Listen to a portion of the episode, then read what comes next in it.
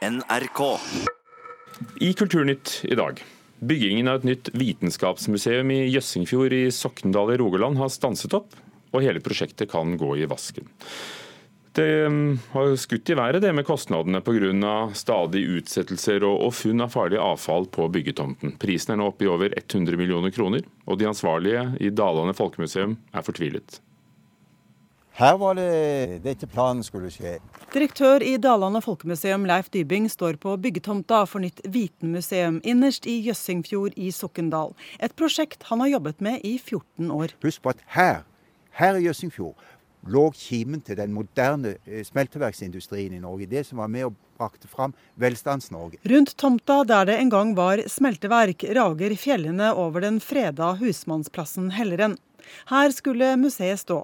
Vinnerutkastet er et bygg i betong på 1700 kvadratmeter, med gangbro til den gamle kraftstasjonen. Og Her har du kontrasten mellom de to små husene under Helleren, som viser det gamle Fattig-Norge, og Industri-Norge som vokser fram. Og Du kan gå i landskapet og faktisk følge Norge ifra det gamle jordbruk- og fiskersamfunn over i det moderne industrisamfunn. Det finnes ingen andre plass i Norge, du finner det ingen andre plass i verden. Anleggsgjerder og hauger med stein forteller om en byggeplass, men ingen maskiner er i arbeid. Graving kom omsider i gang kraftig på overtid i mars, men arbeidet ble stanset etter bare to uker.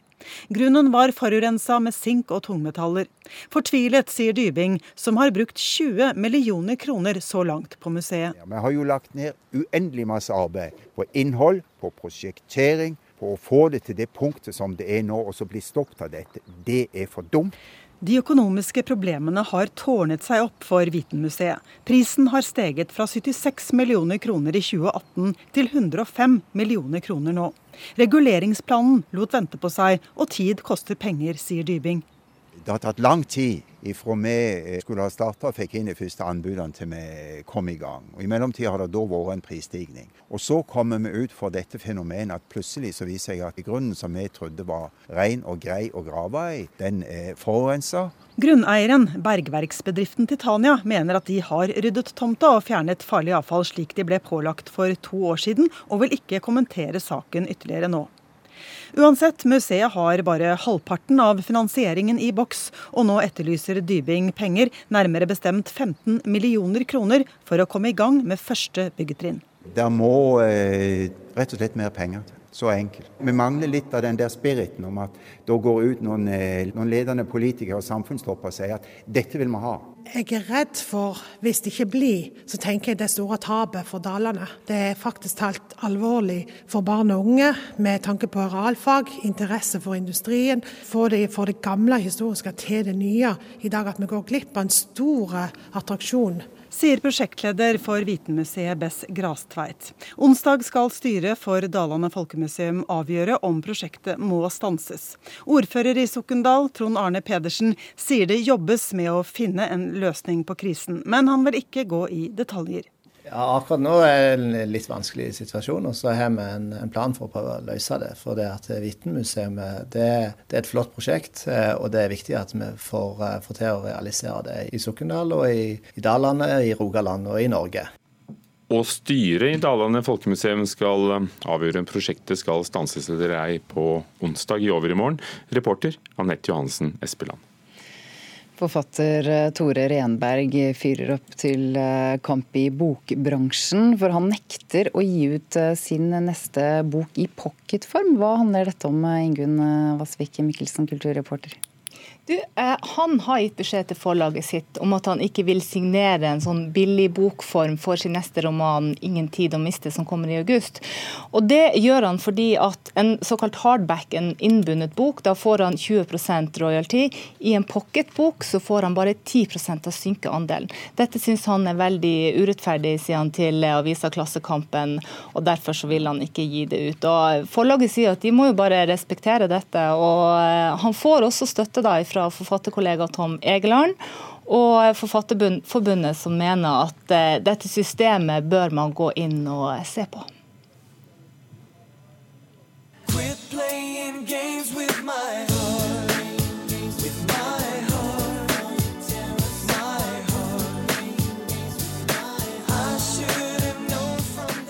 Vi hører det ikke her, men det var visst hyling i Oslo Spektrum på lørdag. Det skriver Aftenposten, for da ble boybandet Backstreet Boys gjenopplivet og inntok et fullsatt Oslo Spektrum. Hva syns Aftenposten om gutta?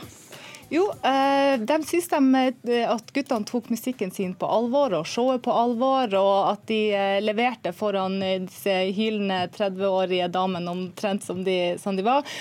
Og de stempla hele forestillinga til at det holdt til en firer. Takk, kulturreporter Ingen Vassvik Mikkelsen. De siste årene har Festspillene i Bergen satset på teater av vanlige mennesker, borgerteater, som tar opp problemer som angår vanlige mennesker. I år eh, heter stykket 'Nav betaler'. Forestillingen spilles på den nasjonale scenen, og så er det altså helt vanlige mennesker som står der. Det er som å gå i tjukk leire, liksom. Det er drittungt.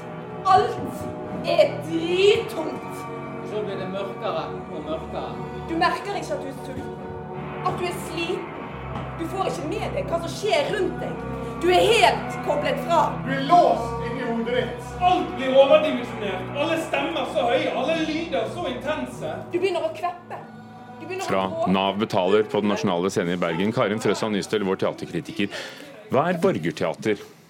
Det er teater der helt vanlige folk får en scene der de kan få fortelle sine historier. Så det er, det er på en måte amatørteater, da, men apparatet rundt er proft. Altså regissør, dramaturg, scenografi, lys og lyd. De får en profesjonell scene å stå på, og de får et manus som, som deres fortellinger på en måte er skrevet inn i. da. Men de som står der, har ingen skuespillererfaring, og de åtte som står på scenen i Nav betaler, er åtte mennesker med tilknytning til Bergen som har en eller annen erfaring med det å stå utenfor arbeidslivet. Og det forteller de om. Står på scenen som seg sjøl. Hvordan var forestillingen? Kunstnerisk så er ikke det den største opplevelsen jeg har hatt, men det er kanskje ikke det eh, borgerteater som dette her, eh, som det heter, prøver å være. Um, det er vanskelig for meg å si at, uh, at amatører forventer at de skal, skal, kunne spille som om de var skolerte skuespillere. Det, det, er de jo ikke.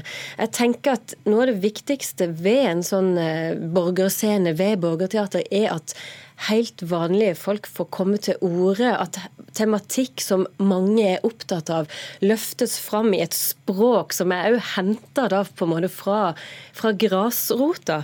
Eh, at de som er med, og de som sitter i publikum òg kanskje føler seg sett føler seg lytta til og får et sted å fortelle. For det er borgerscenen veldig god til. Og jeg tror det er derfor det har blitt en så stor suksess i Tyskland og i Danmark. For der er borgerteater ganske stort, faktisk. så er det jo dokumentarisk teater. Det er helt ekte fortellinger. Det er folk som står, som vi hørte da, og forteller om hvordan det er å ha en depresjon knytta til det at du ikke er i arbeidslivet lenger. Eh, så jeg tenker at for den som står på scenen, så må dette være både et løft og veldig tøft å gjøre. Um, man har liksom ikke noe filter når man står der som seg sjøl. Men kommer det en, en regissør, en manusforfatter inn? Ja. Det, er, det er vel ikke nødvendigvis den rå fortellingen som Nei, det er det ikke. Det er basert, det er et ganske grundig arbeid, faktisk. Det er basert på fortellerstunder der alle som vil, kan komme til samlinger der man snakker om da f.eks. arbeidsledighet og erfaringer rundt det. Og ut fra det så har Vibeke Flesland Havre, som står bak Bergen borgerscene, skrevet manuset som da er blitt til Nav-betaler. Henta det som er av fortellinger, og henta inn en del av de som forteller de, og satt det sammen til en forestilling. Bergen har da gjort det en, en, del år i regi av Festspillene, eller etter initiativ av Festspillene. Um, du nevnte Århus, Tyskland. Ser du som teaterkritiker potensial til at dette går fra å være sosialt engasjement til å bli kunst? Scenekunst? Det er litt lang vei å gå, tenker jeg der. For som nevnt så kan man ikke forvente av amatører at de skal ha det der kunstneriske løftet i seg, altså all skoleringa som, som, jeg forventer. Men det som er interessant, da, det er at et sånt stykke opplever jeg kan leke mye mer med klisjé enn kanskje et vanlig teaterstykke kan. F.eks. dette stykket her snakker jo om Nav, eh, at Nav betaler, Nav betaler din trygd osv.